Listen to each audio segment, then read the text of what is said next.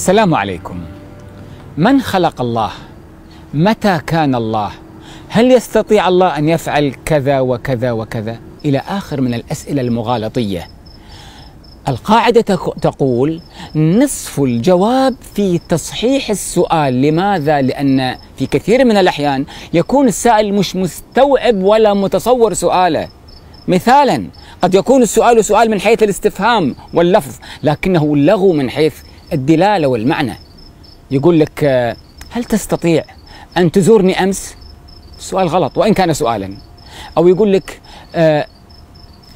كم مرة يلد الأسد في السنة؟ يا حبيبي الذي يلد اللبوة وليس الأسد. سؤالك غلط.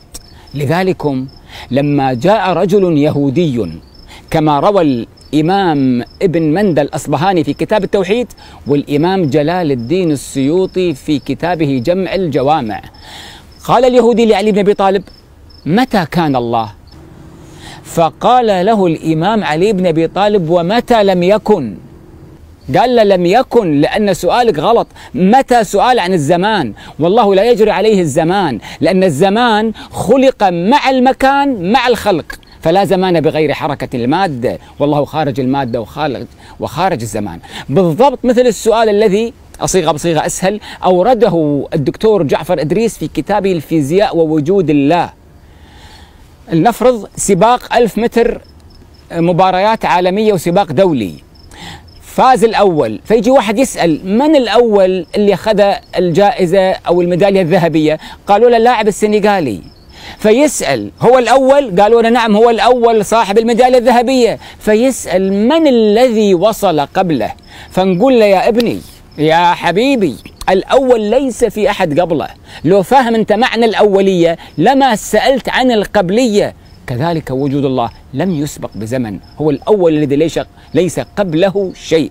ومن هنا كان مفكر القرن الماضي مالك بن نبي الجزائري الكبير.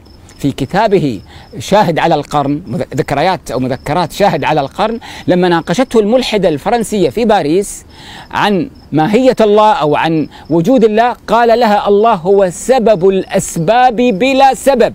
لأن تدخل معاه من خلق الله ومن لا يبقى في أسباب كثيرة لكن السبب الأول الله لم يسبب هو مصدر كل الأسباب. لذلك سؤال من خلق الله مثلا؟ يطرح في دائرة سؤال طفولي يفهم الطفل أو السائل بهذه المغالطة.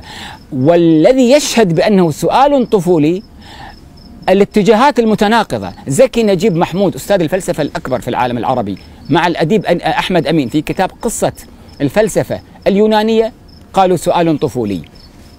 الذي رد عليه العلامة مصطفى صبري في كتابه موقف العقل من العلم والعالم أيضا أثبت أنه سؤال طفولي.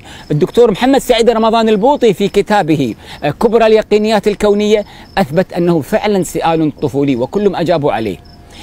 كتاب علم النفس اللغوي أو أو علم نفس التفكير أدونو إدوارد أدونو العالم الكبير الذي ترجم الكتاب أيضا يأتي بهذه الأسئلة وأشكالها من الأسئلة الطفولية إذا يصحح السؤال وتوضع الصورة الصحيحة للمعنى فإن هذه الأسئلة مغالطات تحل بتوضيح للسائل المغالطة التي وقع فيها.